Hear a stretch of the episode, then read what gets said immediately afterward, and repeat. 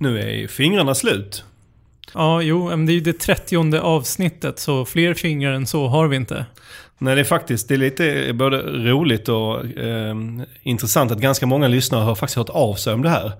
Jag skulle inte vilja säga att de har varit oroliga, snarare mer nyfikna på vad vi ska göra när vi inte kan, när vi kommer över avsnitt 30. Vad ska vi visa på omslagsbilden då? För fingrarna tar ju, tar ju slut, eller hur? Ja. Ehm, jag tror ju för min del att det är en hel del som inte har fattat det här med fingrarna. Så är det garanterat. Ehm, jag kommer ihåg när, jag tror det var avsnitt 13, när du sa till mig att vi skulle ta ett kort. Då sa du så här, håll upp två fingrar som ett V-tecken. Jag trodde det handlade om att det skulle liksom se så lite cool ut, det skulle ha lite gangsterlook. Ja. Tyckte det var coolt eller nej? Nej, tveksamt, nej. Nej, men så är det garanterat att inte... Alla har säkerligen inte förstått det här med fingrarna, men, men nu är faktiskt fingrarna slut. Det här är avsnitt 30, lite ett jubileum för oss, så det är väl lika bra att vi sätter igång detta avsnitt. Du lyssnar på Sökpodden. En podcast för dig som gillar Google, SEO och SEM. Sökpodden görs av Pineberry. Varmt välkomna till avsnitt 30 av Sökpodden. Mitt namn är Mikael Wahlgren och vid min sida idag sitter Maria Fernholm Hej hej! och Mikael Berman. Tjena, tjena. Våra tre ämnen idag är Vad kan marknadsförare lära sig av Donald Trump? Sen ska vi prata lite om sökordsluckor och för att avsluta om de tio största förändringarna av AdWords under de tio senaste åren. Hur är läget med er? Ja men det är strålande. Det är mycket bra här också. Någonting nytt sen vi spelade in sist? Ja men faktiskt, ni kanske har hört att Power Editorn kommer att försvinna från Facebook. Och det är ju ett kärt verktyg och även hatat verktyg som vi Ja. använder mycket. Eh, Niklas har faktiskt skrivit en, eh, en blogg om det här, så det kan man gå in och läsa om på Sökmotorkonsult. Ja, den kommer igår, så är det någon som är intresserad av det. Jag vet att för er som jobbar med Facebook som du gör med så, så var liksom, det en ganska stor grej i vardagen att den Yes. här kommer försvinna. Liksom det här verktyget man har jobbat i i princip varje dag under tiden man jobbat. Precis, älskat och hatat. Så nu är det helt enkelt borta. Eller det är inte borta nu men det kommer, det kommer att försvinna. Och eh, dessutom så spelar vi in i Pingvinen för första gången. Ja, Vi spelade in i ett rum som heter Skatan innan när vi satt på Tulegatan men vi har ju flyttat. Hur känns det? Ja, men det känns bra. Det är är ganska roligt att sitta i nya lokaler, även om det, det är många saker som såklart är, är lite halvfärdiga just nu. Men jag tycker att det är mycket ny energi att, sitta på ett nytt ställe. Ja, det är tre... Jag gillar också det här med miljöombytet. Ja, alltså, nej, det känns. Det känns skönt att det är... Eh, jag säger inte att det, det här läget är bättre, men det är annorlunda. Mm. Så att det, det, kän- det känns bra. Men vi hade ju lite praktiska bestyr här när det första gången vi skulle spela in den här lokalen. För man, fastighetsvärden är inte riktigt klar här, så dörrarna, det är hål i dörrarna fortfarande. ja. Så vi har fått blockerat lite dörrar lite utanför. Så förhoppningsvis kommer det inte läcka in för mycket ljud utifrån. Vi, vi ber om ursäkt på förhand om det skulle bli så. Men vi hoppas att vi har lyckats täppa till luckorna så gott det går. Och en sak som jag skulle, vi skulle ta upp här, för det här är avsnitt 30. Och många av de poddarna som jag lyssnar på, de firar ju när de kommer till ett visst antal avsnitt. Oftast brukar det vara vid, kanske vid avsnitt 100. Det känns ju rimligt att man, det är då man firar. Just ja absolut. Och de flesta, många poddar av de jag lyssnar på, de har ger ut i alla fall ett avsnitt i veckan. Och det betyder att då når man 100 avsnitt efter ungefär två år. Mm. Det känns det väl som ett lagom att fira kanske efter två år, göra en liten grej av det. Mm. Men vi ger ju bara ut ett avsnitt varje månad. Så skulle vi vänta till avsnitt 100 och fira så skulle vi få vänta nästan 10 år. Mm. Ja, det känns det ju känns ju som en evighet. Lite länge. Ja. Så vi tog ju beslutet här att vårt avsnitt 100 får ju bli vårt avsnitt 30 istället. Så, så det är lite jubileum Yes. idag tycker vi, eller hur? Det är det. För Mäktigt. det är ändå nästan tre år vi har hållit på eh, och spela in, i, spela in Sökpodden.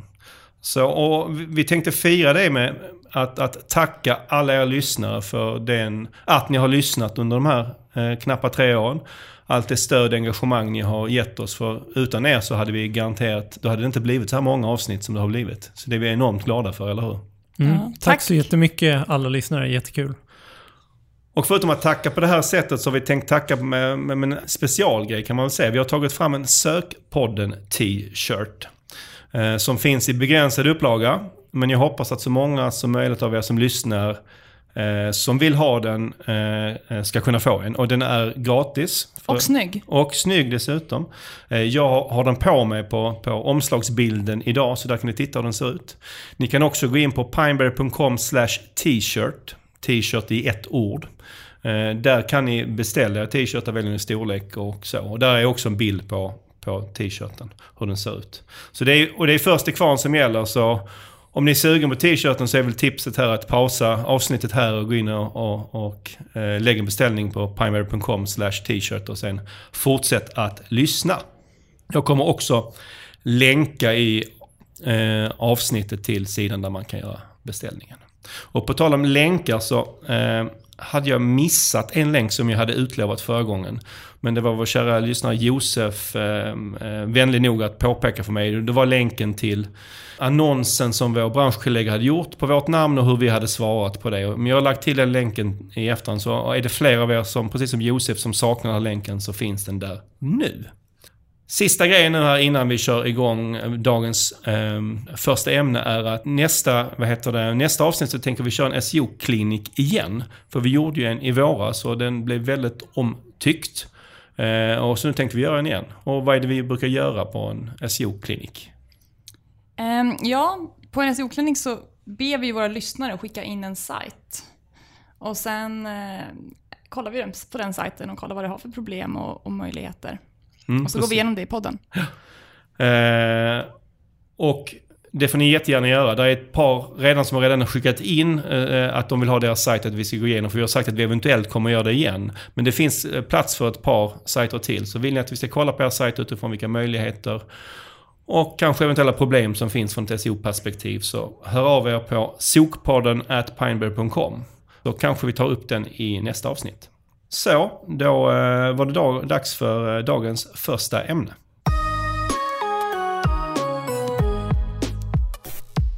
Det vi ska börja prata om idag är om vi marknadsförare kan lära oss någonting av Donald Trump.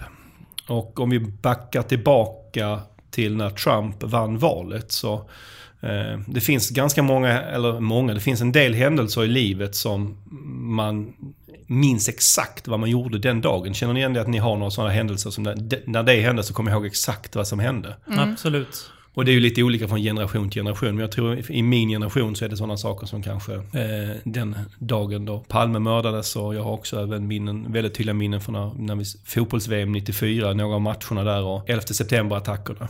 Och för min egen del så tror jag att valnatten när Trump vann kommer vara en sån dag där jag kommer komma ihåg exakt vad jag gjorde i detalj.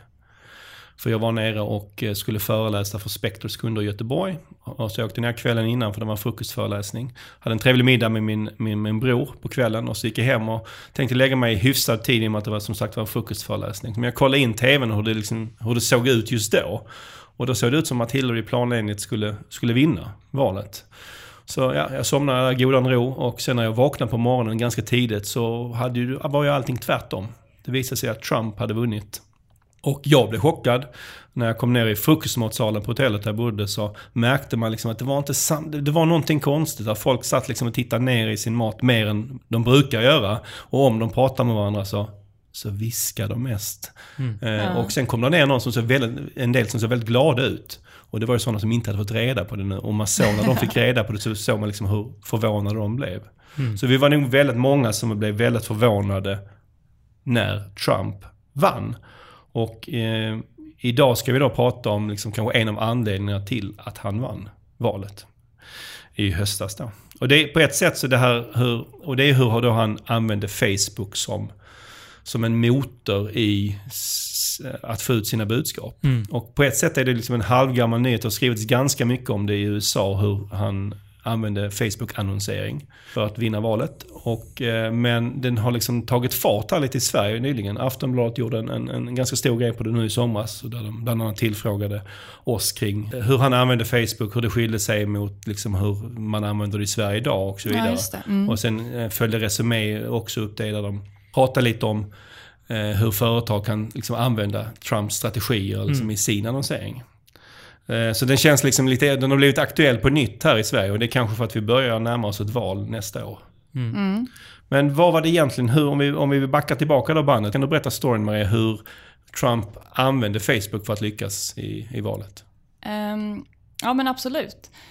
Um, det han gjorde var att han, han uh, anställde en kille som heter Brad Pascal som mm. var en framgångsrik entreprenör, ingen som var så van egentligen vid val valarbete eller valkampanjer. Han var, han var snarare duktig på marknadsföring. Ja men exakt, och det kanske var också lite hans, hans styrka i det här fallet. Mm.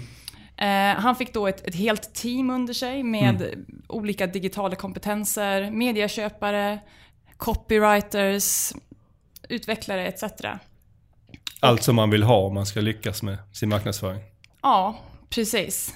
Och, och så fick han då såklart en budget. Och eh, för oss låter det här så mycket pengar, men i, i det här fallet så är det kanske inte så mycket pengar. Han fick två miljoner dollar att starta med. Mm. Och det valde han då att lägga på, på Facebook, Facebook-annonsering. Mm. Ehm, så det han gjorde då var att han, ehm, han började med att lägga upp listor på kända Trump-supportrar. Alltså det här har vi pratat om tidigare. Han lägger upp, han, man kan lägga upp listor i Facebook med, på personer då. Man lägger upp e- mail, namn, telefonnummer och sen så matchas det då sen genom custom audience mot deras, vad säger man, virtuella Facebook-profiler. Mm. Så den, den metoden använder han sig av och sen för att då utöka den här målgruppen och få den större så använder han lookalikes. Som också då är Facebooks eh, det här speglingsverktyget som man kan utöka sina målgrupper. Och det är ju någonting som vi också använder och tycker är väldigt effektivt. Så man kan säga att han, han börjar med de målgrupperna som var säkerligen enklast att lyckas med. Och det är ju så man Ja. brukar tänka och göra oavsett vad man marknadsför. Ja, ja men precis. Och sen så gjorde han också, alltså han använde sig av de, de vanliga intressemålgrupperna, alltså geografi, demografi, för att hitta de som, är, som han då trodde var typiska supportrar. Och för ytterligare få större målgrupper. Men sen testar han extremt mycket, eller hur? Ja, och det är ju... Alltså man kan nästan bli lite avundsjuk på att han hade den här möjligheten. Men det han gjorde var att han gjorde hundratusen olika kreativa eh, element. Alltså olika sajter, annonser, allting då med olika budskap. Och de här budskapen då var alltså såna riktade exakt mot de personerna, de små målgrupperna som han ville targeta. Eh, och sen så testa han, testa, testa. Och han använde ju någonting som, som Facebook har som kallas för brandlift för att då mäta om det här var, testen var framgångsrika och vad som funkar, vad som inte funkar. För även om vi förespråkar att man ska använda många annonser och vi, vi, vi testar många annonser så vi, det, är ju, det är inte ofta vi kommer upp i hundratusen annonser. Nej. Det är, liksom, det är väldigt många. Det är väldigt många. Ja, Nej men det är väl så att man måste ha lite, lite cash. ja. Och, och sen eh, in i den här eh, strategin så kom det också ett projekt som kallas, har fått namnet Alamo. Ja men precis. Ehm, och och det, det, var, det var väl egentligen att han, han samlade ihop massa data på olika, mm, ja, olika relevant information om väljarna helt enkelt. Eh, lite programmatic-tänk. Och sen så använde han den här jättestora databasen då som han fick, ihop- fick ihop. Bland annat i Facebook men också i andra marknadsföring. Ja, och det, den, att samla data på det sättet, jag, vet, jag kan ju inte det legala i USA men det var ju säkerligen någon form av gråzon där. Eh, och i Sverige så vet, är det tveksamt om det ska vara lagligt på det Ja, det sättet. känns tveksamt. Tveksamt, men, Ja. men han samlar på sig extremt mycket data och, vi vet ju att data är ju väldigt värdefullt när man ska Men marknadsföra precis. sig. De, de köpte in mycket, jättemycket data från flera olika företag. Ja, ja. Och sen kommer ju den delen av kampanjen som, som man ju såklart inte sympatiserar med. Och det är ju det att, att mycket av budskapen var ju negativa kampanjer och, och även så falska nyheter eller fake news. Ja, men precis. Som jag förstår det så, några veckor innan valet när han var lite så här, hur ska det här gå, jag vet inte om jag kommer vinna. Då la han liksom på en växel till och ehm, han identifierade tre huvudmålgrupper och det var väl de absolut viktigaste målgrupperna för honom, där han kände att han kunde få ett bra genomslag. Och som också var väldigt viktiga att de skulle för Hillary.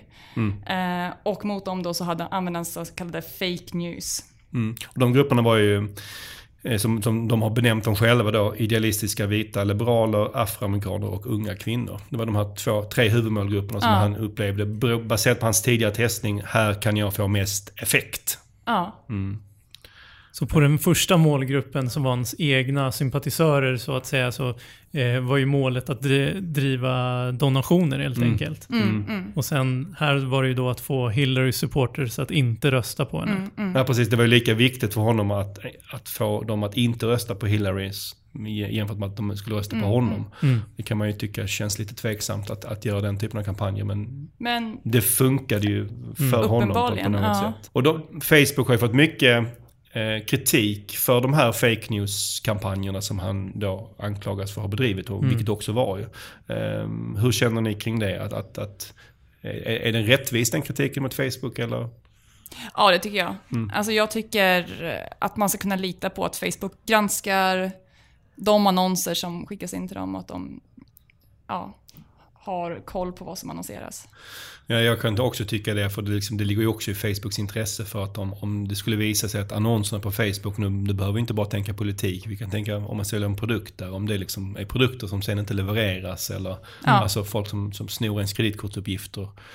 Det är ju inte bra för annonserna på Facebook, då kommer folk inte vilja klicka på annonserna till slut.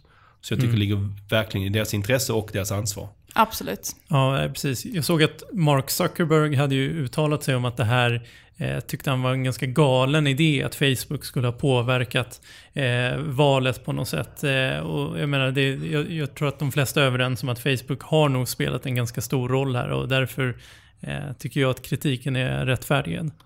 Ja, men- och det är en, liksom, det är en balansgång för, för herr Zuckerberg där också. För att han, han, kan ju, han vill ju samtidigt inte säga att Facebook inte är så effektivt. För att det, och det här Trump är kanske ett av de casen som är egentligen den bästa för Facebook för att visa på hur effektivt Facebook är för att nå ut. Precis. Så att liksom, det är lite svårt för honom liksom var han ska ställa sig. Var han ställer sig här så blir det lite fel. Ja. Facebook. Och sen var det mycket snack om de här Facebook dark posts som alla tycker är... Dark posts, det, är liksom, det låter ju som att det är lite hemskt. Ja, nej, det låter inte alls bra. Ehm, och egentligen så är allt det är, är bara, det är en annons. Ja. Alltså det är ett...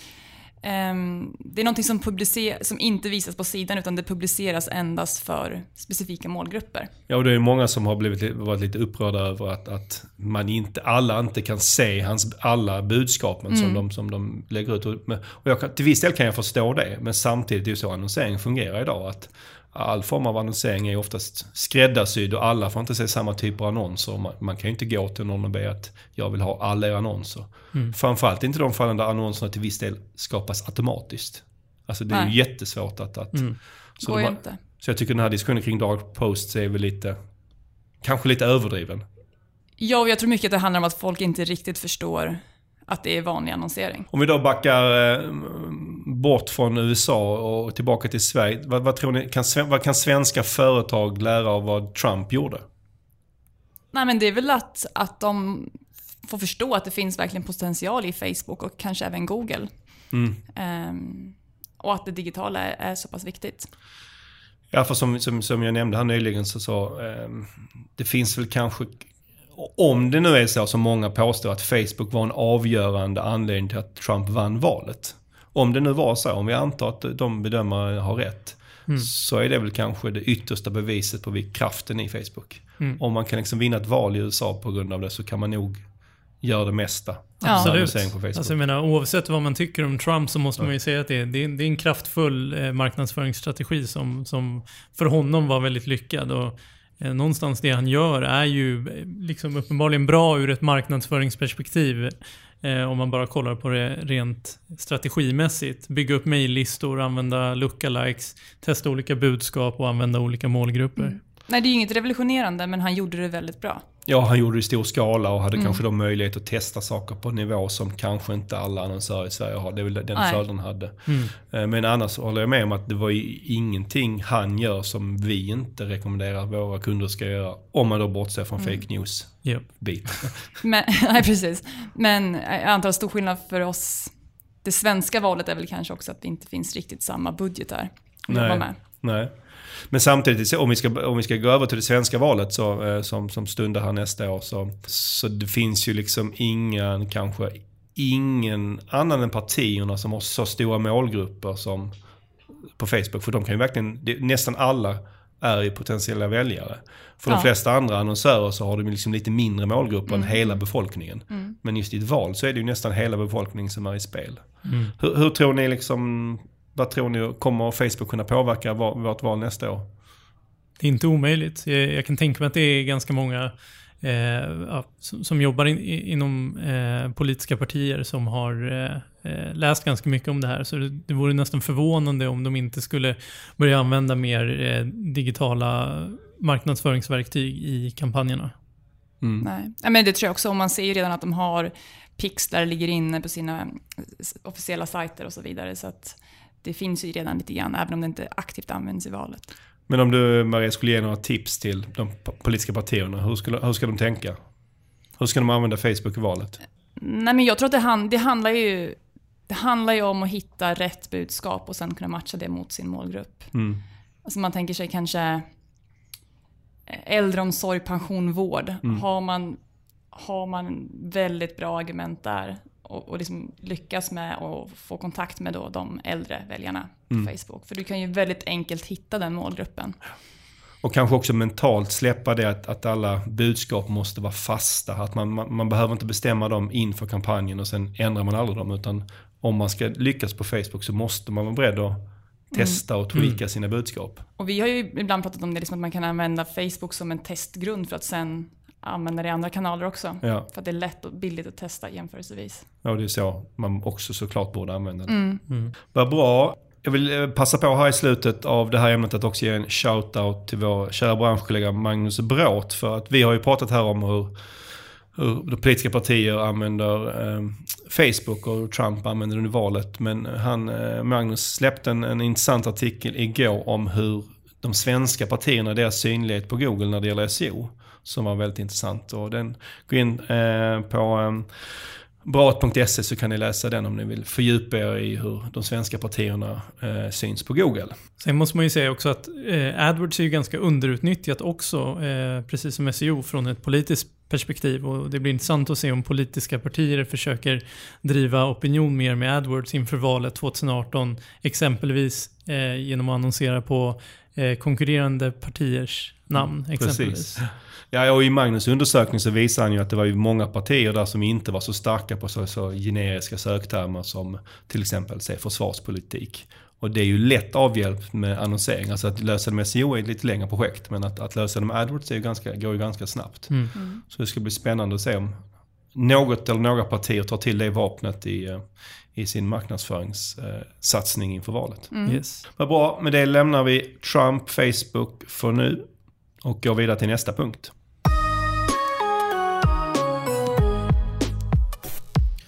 Dagens eh, andra ämne är eh, sökordsluckor där vi ska prata lite om synergierna mellan SEO och AdWords. För å ena sidan så är det, så är det ju vattentäta skott mellan SEO och AdWords. Liksom. Eh, annonserar du väldigt mycket på AdWords så kommer du inte direkt synas mycket bättre eh, SEO. Men det finns ju en hel del synergier att få ändå, eller hur? Mm. Nej men så är det. Det finns eh, väldigt mycket synergier mellan SEO och AdWords. Eh, ofta är det ju att man pratar ganska mycket om, om de här synergierna men det är ju inte alltid de tas tillvara på. Nej, jag upplever också det och det, det, även jag själv, liksom, att man, man pratar mycket om de här synergierna men det är inte alltid man, man gör så mycket med dem. Och så är det väl i sig kanske generellt med synergier. Mm. Många av de här synergierna som finns, eller ett av de vanligaste områdena, gäller just sökord. För där finns det ju mycket att lära mellan både SEO och AdWords. Och men det vi tänkte prata om idag är liksom ett sätt där man kanske kan ta det från då teorin att det finns synergier mellan, mellan SEO och AdWords till att hitta ett praktiskt sätt att göra på det. För det är ju liksom, där finns ett, ett, ett man kan koppla ihop två kära verktyg, eller hur? Mm, absolut. Eh, det här är ett ganska underutnyttjat eh, verktyg att använda sig av. Så man kan koppla ihop Google Search Console med Google AdWords.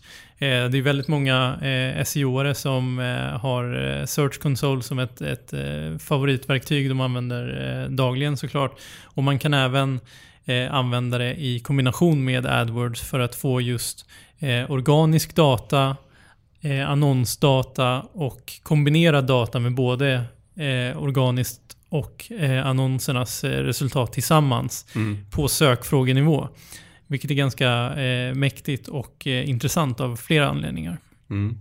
Vi börjar med det praktiska. Hur kopplar man ihop de här? Är det lika knixigt som det alltid brukar vara när man kopplar ihop saker? Ja, det är lite knixigt faktiskt. Eh, Jag skulle vilja säga att ja, men det är superlätt att koppla ihop det. Och det kan vara det. Eh, Men eh, det finns, eh, jag skulle kalla det för en, en bugg ändå, eller att Google helt enkelt inte gjort det så enkelt att koppla ihop dem som det först ser ut. Det ser ut som att det bara ska vara en eh, knapp att eh, klicka i helt enkelt. Men eh, vad som kan vara ett problem helt enkelt är om man har Search Console-egendomar med både HTTP och HTTPS. Och de flesta har ju flyttat över sin sajt till HTTPS. Och eh, ja, det kan helt enkelt vara en del strul med att få till det här. Oftast måste man verifiera HTTP och sen HTTPS då för att kunna koppla ihop dem. Eh, men med det sagt brukar man få till det ganska snabbt ändå om man har access till alla konton. Ja, jag tror det måste vara någon tankevurpa när de har gjort det här för att när man ska koppla ihop dem, när jag skulle göra det för Pineberrys egen räkning, så det går inte att koppla ihop det med HTTPS. Utan mm. man måste först koppla ihop det med HTTP och sen på något magiskt sätt så flyter det över till HTTPS också. Jag vet inte riktigt hur. Men det funkar för oss. Men det var bara väldigt... Det, det var inte alls självklart att det skulle fungera på förhand. Men det är, som, det, är, det är som ofta när man kopplar ihop sådana här saker, att det är lite struligt att göra det. Men det är ju en engångsgrej. Sen när man väl fått det till snurra så behöver man inte tänka på just det mer. Precis. Och, och vad är det då man får? Vad är det stora värdet av att, att, att ha kopplat ihop något kontona? Eh, vad man får är en eh, rapport som heter Paid and Organic Report, eller Betalt och organiskt heter den också i AdWords på svenska. Och eh, den brukade tidigare finnas under eh, dimensioner. Eh, den har funnits där sedan 2013 eh, faktiskt. Men nu i AdWords Next, det nya gränssnittet då, så finns den under fördefinierade rapporter som då tidigare hette dimensioner. Det är mm. samma sak. Och vad kan man hitta där om man um, gräver sig ner? Ja, men lite som jag sa så kan man hitta trafikdata på sökfrågenivå som är nedbruten på tre sätt. Eh, när endast en organisk placering visades, när endast en annons visades och när både en annons och en organisk placering visades samtidigt. Mm. Eh, och det går ju att få denna, den här datan separat i Search Console och i AdWords och, och i Analytics för den delen. Men att få den sammanställd tillsammans på det här viset är ganska krångligt att göra. Så att det här är en mycket enklare analys. ja, annars får man lägga mycket mer tid på att liksom få fram datan. Verkligen. Så, det, det, blir, det blir en ganska trevlig överblick. Mm. Och, och, det man kan se i den här datan är de här sökordsluckorna vi, vi nämnde. Och, och, och, och vad, vad är då en sökordslucka? En sökordslucka är ett sökord där du syns eh, organiskt men inte annonserar ännu. Eller eh, tvärtom ett bra sökord där du annonserar men inte syns organiskt. Så det är helt enkelt ett sökord som du inte täckt upp antingen i det organiska eller i annonserna. Mm. Har du något exempel på vad det skulle kunna vara?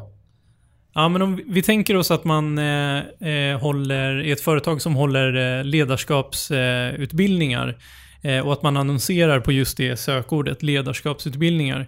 Då kanske man även annonserar på ordet eh, ledarskapscoach exempelvis. Mm. Men då kanske man inte har en organisk eh, närvaro eller en organisk landningssida för ledars ledarskapscoach.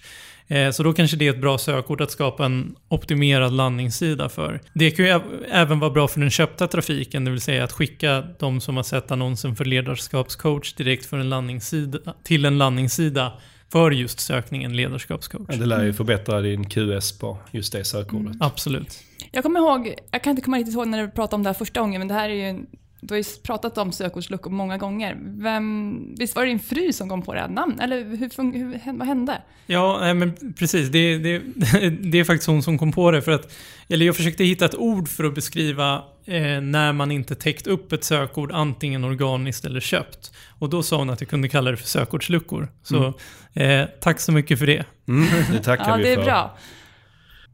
Vi var inne på det lite redan, men hur gör man då? Man hittat de här sökordsluckorna så vill man ju såklart täppa igen dem. Hur, hur, gör man, hur tänker man då? Ja, men äh, egentligen är det ganska basic att det, det handlar om att skapa en bra sida eh, för det man inte syns på eh, organiskt helt mm. enkelt.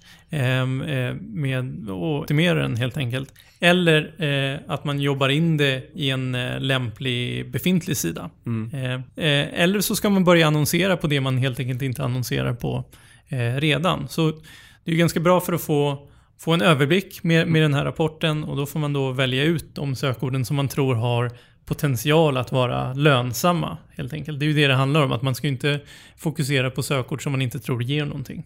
Nej, för det är ju nästa, kanske nästa sak man ska, kan fråga sig. För att man går in i den här rapporten så kommer man hitta, de flesta kommer hitta ganska många sökordsluckor. Mm. Och är det någon poäng med att täppa igen alla eller var ska man dra gränsen? Nej, det, det är verkligen ingen poäng med att Eh, täppa igen alla, utan jag skulle säga att man, man drar ut en rapport i Excel och eh, kanske sorterar bort helt enkelt, eh, eller snarare sorterar ut de som man tror eh, har en chans att konvertera bra. Så fokuserar man på dem. Då har man nog en ganska bra lista att, att jobba med. För är det liksom ett sökord som är verkligen på, på tailen, som är väldigt långt ut, nästan väldigt låg sökvolym. Då kanske det finns en poäng med att annonsera på det, men det är kanske inte värt mödan att bygga en optimerad landningssida för det. Så då får, de, då får det förbli en sökordslucka. Ja, men precis. Du, du vill ju ha en viss volym för att det ska vara värt att göra en egen landningssida exempelvis. Mm. Den här rapporten då, kan man använda den till någonting annat än, än att bara hitta sökordsluckor? Ja, men det kan man göra. Eh, alltså, eh, dels så kan man ju titta på hur, eh, hur, vilken CTR man har för sökfrågan organiskt eh, och sen för annonserna och sen tillsammans. Och eh, eh, det som är ganska intressant är att oftast när organiska resultat och annonser visas tillsammans så ser man en, en ökning i CTR oavsett var klicket sker. Och det här är undersökningar som har gjorts på ganska extrema mängder data av, av eh, väldigt många eh, eh, bolag, men även Google. Eh, och de har ju då kunnat visa att det finns, eh, genom att annonsera exempelvis, så får du då en eh, inkrementell eh, ökning i eh, både eh, din organiska CTR men även i din köpta. Så om man tar exemplet, säg att man har en organisk CTR när bara organiska syns på 2% och sen har du en CTR på annonsen på 2% när bara annonsen syns. Mm. Men i ett scenario där båda två syns tillsammans så skulle man då kunna tänka sig att CTR blir inte 4 utan den blir 5. Precis. Ja. Eh, om inte väldigt mycket mer faktiskt. Ja. Alltså de flesta undersökningar jag sett på det här så, så ökar CTR väldigt mycket. Alltså säg med 50-60% bara för att ta ett exempel. Ehm, men med det sagt beror det ju extremt mycket på vilken nisch och bransch man testat på, vilka sökfrågor och så vidare. Men det finns ganska starka belägg för att din CTR eh, ökar genom att totalt sett på både organiskt och annonser, om du syns bra på båda. Mm. Det är intressant, för det är inget man kanske trodde innan man läste de här rapporterna. Nej, och jag tror det finns lite olika skolor här. Det är nog många som tänker tvärtom. Att, att, eh, att CTR kommer gå ner om man syns med både en annons och en Mm. organisk Ja, Och ju- kanske då, det, det, det är ofta jag hamnar i en diskussion där man, där man tänker så här att eh, efter, nu jobbar vi med SEO, när, när, när vi lyckas med det och syns bra organiskt, då drar vi ner på annonseringen. Mm. Och folk som kanske drar ner på annonsering för att man tror att då, då hamnar de klicken ändå på det organiska. Mm. Men de här, många undersökningar visar på att det, det inte är så. Nej. Men sen är det såklart individuellt. Det är säkerligen olika från, från, från kanske, det kan vara vara olika från bran- olika branscher och olika från olika fall till fall. Mm. Men det följer med den här rapporten är att man kan ju lite undersöka, undersöka hur det är för en själv ju. Ja. Om man vågar så kan man ju sluta annonsera på vissa sökord ett tag och se vad som händer. Ja men absolut. Jag menar, har man en väldigt bra eh, or- organisk synlighet på ett väldigt dyrt sökord så kan det ju vara ganska intressant att göra det här testet såklart. Eh, och så man kan ju experimentera med att både sänka eller höja bud baserat på vilken synlighet man har. Mm. Så det är ju också en ytterligare grej man kan använda där till att, att, att när man ska bestämma liksom vilka budnivåer man ska ha så kan man ju titta på, på, på CTR-nivåerna i den här rapporten. Ja men precis. Och jag menar, ser du att du rankar på sida två organiskt för ett sökord som har potential, ja men då kan det ju vara ganska värt att maximera annonsernas visningsandel för att i alla fall eh, försöka ta så mycket eh, konverteringar som möjligt. Mm. Eh, lite avslutningsvis här så finns det ju som nästan alltid lite begränsningar i rapporten. Vilka är de viktigaste som vi, som vi behöver nämna? Ja, men det är väl att rapporten i sig inte innehåller konverteringsdata Mm. utan endast eh, trafikdata. Eh, så det är ju en, en stor begränsning men det betyder inte att den här rapporten inte är intressant. För ofta Mm. så har man ju ganska bra idé om hur de här sökfrågorna konverterar. Mm. Och sen så är det ju att det finns ingen retroaktiv data att tillgå innan den här länkningen mellan Search Console och AdWords är gjord. Så därför så rekommenderar vi att alla som lyssnar, det är bara att börja länka AdWords med Search Console nu direkt. Mm. Och även om det blir lite struligt så är det värt det. det är, Ja. tar jag igenom det steget så, så kommer ni få intressant data. Yes. Jag vill passa på också att eh, tipsa om din eh, artikel Micke, för du skrev ju nyligen en artikel om just det här på, på Sökmotorkonsult. Så vill man läsa mer om detta så, och också få lite information om hur man länkar så, så finns det att hitta där. Yes. Då går vi vidare till eh, dagens sista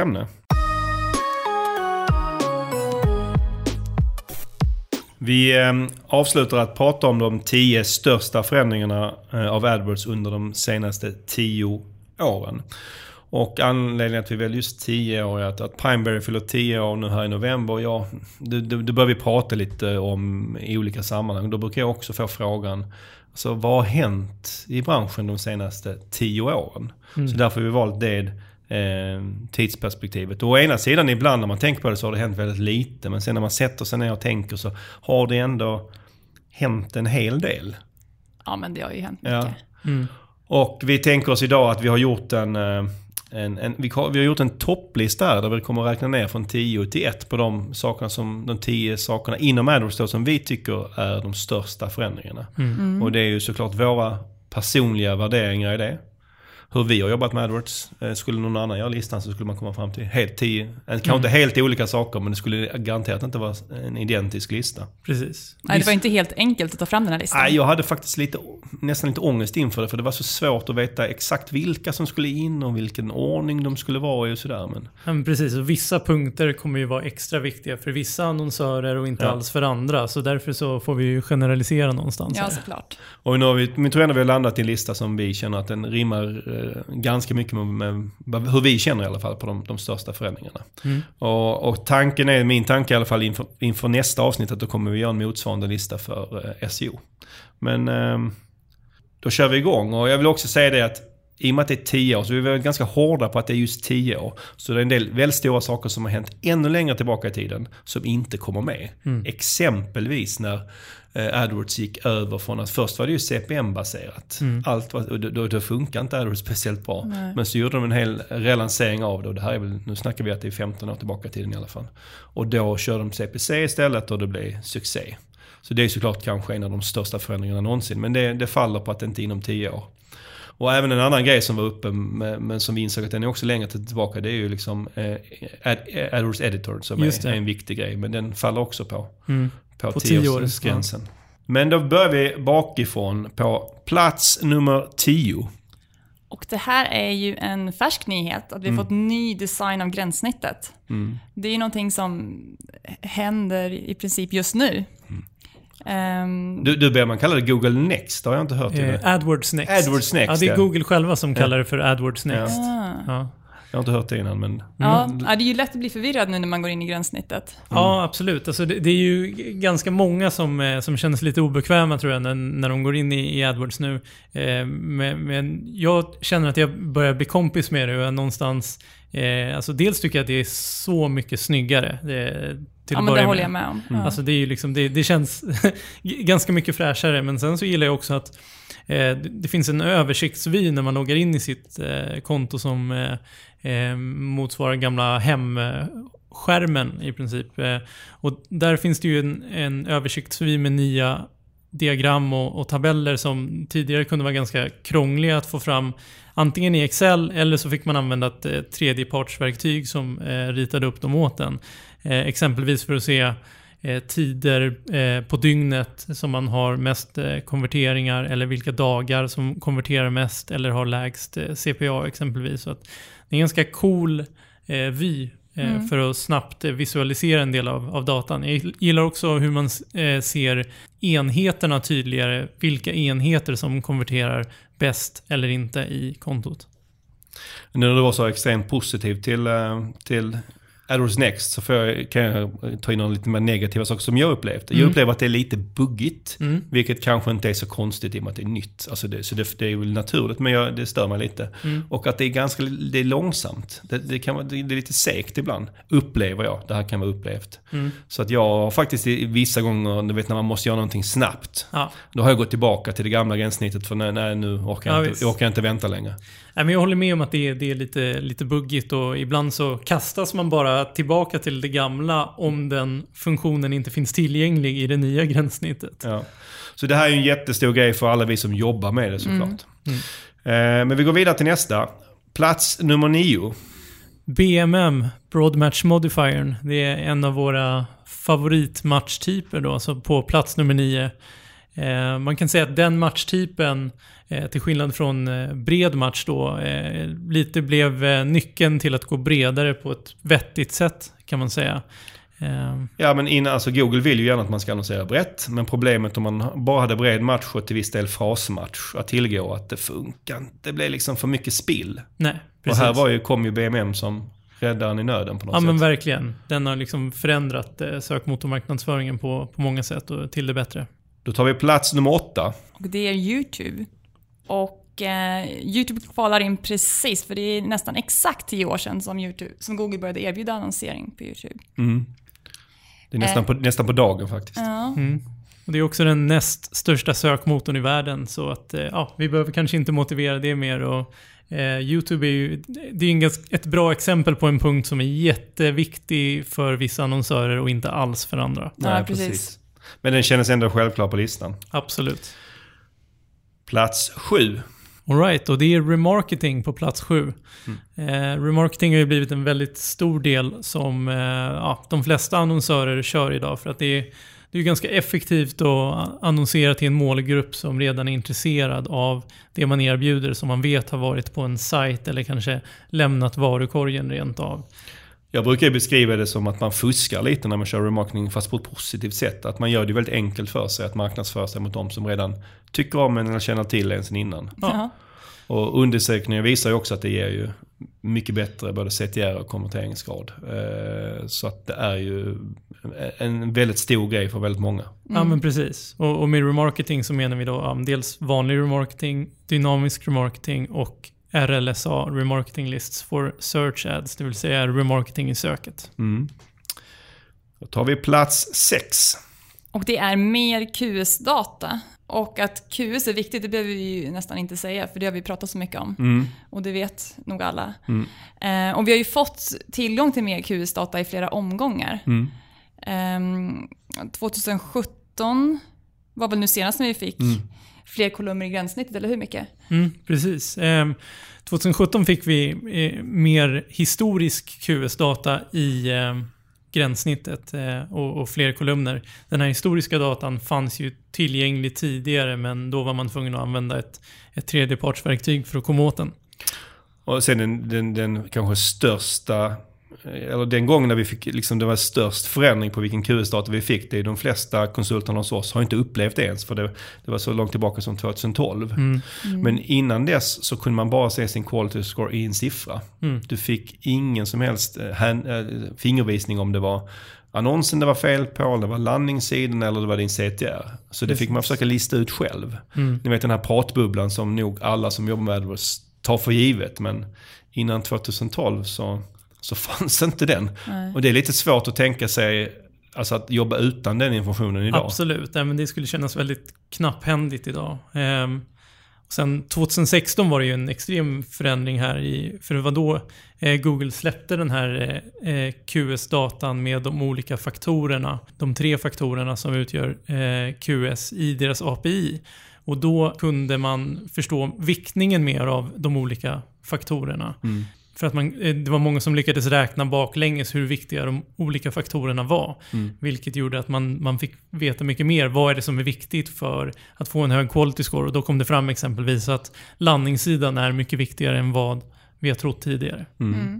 Ja, och i och med att quality score är på något sätt livsnerven i AdWords så nu när vi, i, de, i och med att vi har fått mer data i olika omgångar så var det Mm. också ganska självklart att det här är en väldigt viktig sak på listan. Mm. Precis. Plats 5. Yes, eh, det är attribution i AdWords. Eh, det finns ju eh, numera möjligheten att välja olika attributionsmodeller i AdWords. Så det här är ju en ganska extrem förändring bara för att det ändrar ju lite sättet man ser på sina kampanjer och hur man tänker och, och, och hur man räknar och framförallt tillskriver värde till olika sökord, kampanjer och även kanaler i stort. Och när vi pratade om det här lite innan så, så kom, kom, kom du att tänka på eh, Fredrik Valleys, eh, han har ju skrivit förord i vår bok Bygg en eh, pengamaskin. Och där skrev han ju om hur komplexiteten har ökat i AdWords liksom genom åren. Ja, På ett, på, på ett väldigt bra sätt. Och det finns väl kanske inget som är mer komplext än attribution. Nej, alltså attribution är väldigt komplext och det, är intressant när man tittar tillbaka och ser att tidigare kunde det handla i AdWords om, att, eh, om, om sökord och geografisk region men nu för tiden så handlar det ju mycket mer om, också om klockslag, om vilken enhet man använder, om demografisk data och användarbeteende. Så att det har ju verkligen blivit jättemycket mer komplext och attribution är ju ett bra exempel på det. Mm. Plats fyra. På plats fyra så hamnar automatiseringen. Då pratar vi väl om automatisering. Alltså vi har ju dels våra automatiserade regler som man kan använda. Vi har ju numera skript. Mm. Eh, Vi har olika budmodeller. Så det har ju hänt väldigt mycket här. Vi får mer och mer automatisering vilket gör, alltså för oss är väldigt, väldigt effektivt. Mm. Nej, absolut. Det, det går ju att göra väldigt mycket med eh, automatisering. Man kan ju använda automatiska regler Eh, för att exempelvis kontrollera sina bud baserat på olika kriterier. Eh, man kan använda skript för samma sak. Eh, för väldigt många olika saker. Och budstrategierna har ju också försöker ju Google driva väldigt mycket att bli mer automatiska. Och, de låter ju väldigt bra i, i, i dagsläget i, i teorin men sen i, i, i praktiken så kan manuell budgivning fortfarande trumfa den automatiska.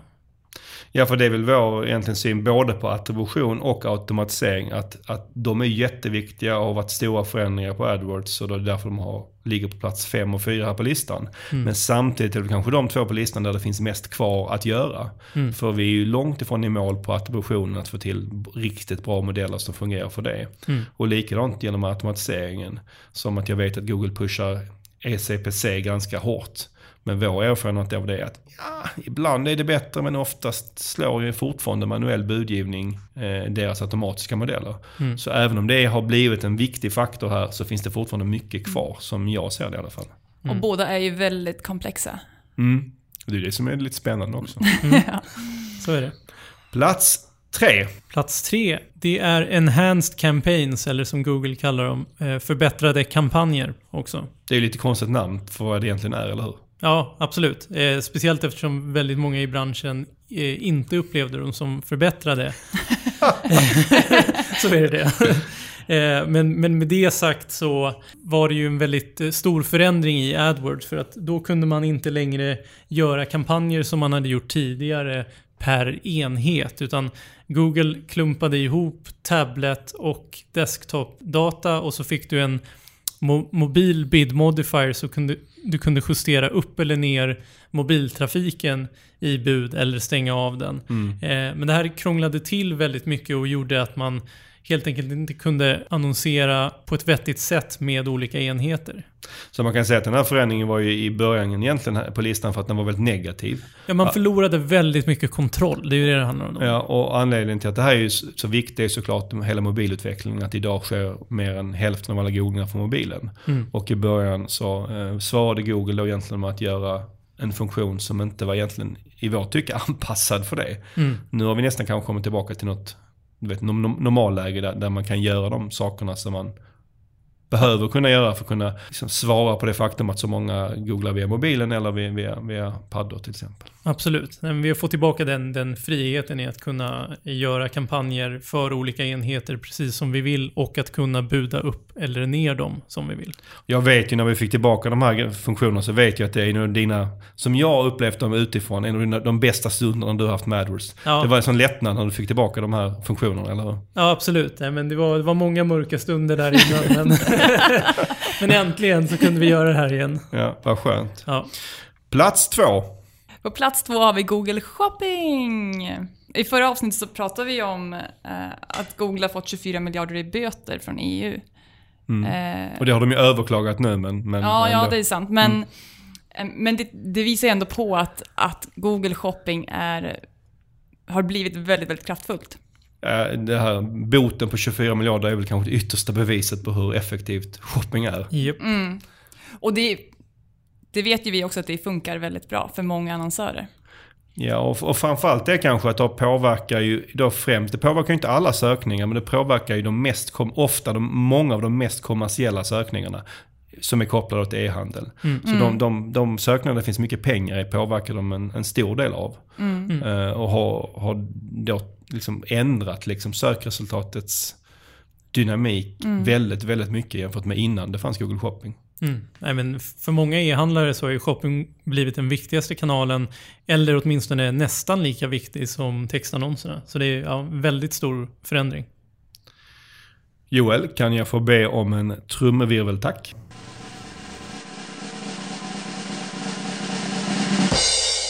Plats 1. Annonsernas ökade utrymme i sökresultatet. Vi tänker ju då på den fjärde annonsen, vi tänker på Expanded Text Ad som gjorde eh, textannonserna 47% eh, större i antal tecken man kunde använda.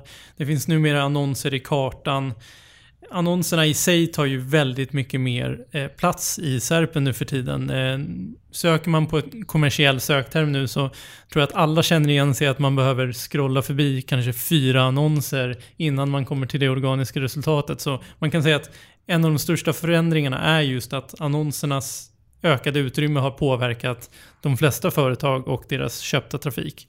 Ja, här kanske en del tycker att vi är lite orättvist mot de andra punkterna på listan. Att vi, vi har grupperat ihop både ETA och fjärde annonsen och så vidare i en punkt. Men vi ser det ju lite, det har vi pratat om här lite innan i podden, vi ser det som en gemensam strategi från Googles sida. Mm. Att de medvetet gör små förändringar här. För att den fjärde annonsen, visst den hade en viss påverkan men den skapar ju ingen revolution i, i någon förändring.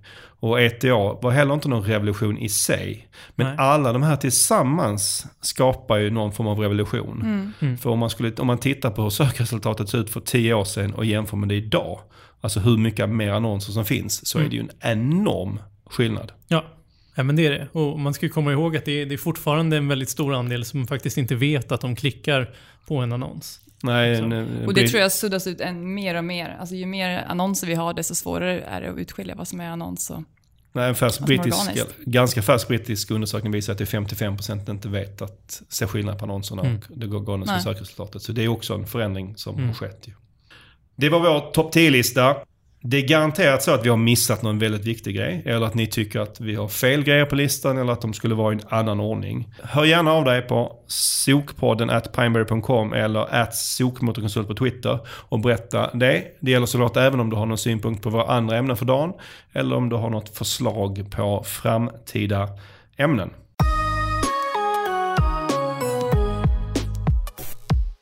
Då var det dags att eh, avrunda dagens avsnitt. Idag var det ju extra mycket AdWords och Facebook på agendan. Och om du som lyssnar ute känner att, det, att du blir lite extra glad över detta fokus för att du kanske jobbar med AdWords och Facebook. Då vill jag tipsa om att vi söker fler konsulter och just då gärna med inriktning på Facebook eller AdWords. Så spana in pineberry.com jobb om du tycker att det låter kul att få jobba med oss här. Innan vi stänger butiken för dagen är det två saker jag vill påminna om. Yes. Glöm inte att gå in och beställa din sökpodden t-shirt på pineberry.com t-shirt om du vill ha en. De är ju gratis, men de finns bara i en begränsad upplaga, så det är först till kvarn som gäller. Och nästa avsnitt kör vi ju SEO-klinik. Så hör av dig till sokpodden at pineberry.com om du vill att vi kollar på din sajt. Mm. Och sen i oktober, i alla fall för mig, jag tror det är för många här, så händer det extra mycket saker. Och väldigt spännande och roliga saker. Och det kommer påverka sökpodden lite också. För att vi ska hinna med allt det här spännande och roliga som händer i oktober kommer nästa avsnitt tidigare än vanligt. Det kommer redan om två veckor, den 5 oktober. Och då kommer vi prata en hel del om SEO. Sköt om er tills dess. Tack för att du lyssnade på detta jubileumsavsnitt. Hej! Ha det gott! Tack och hej!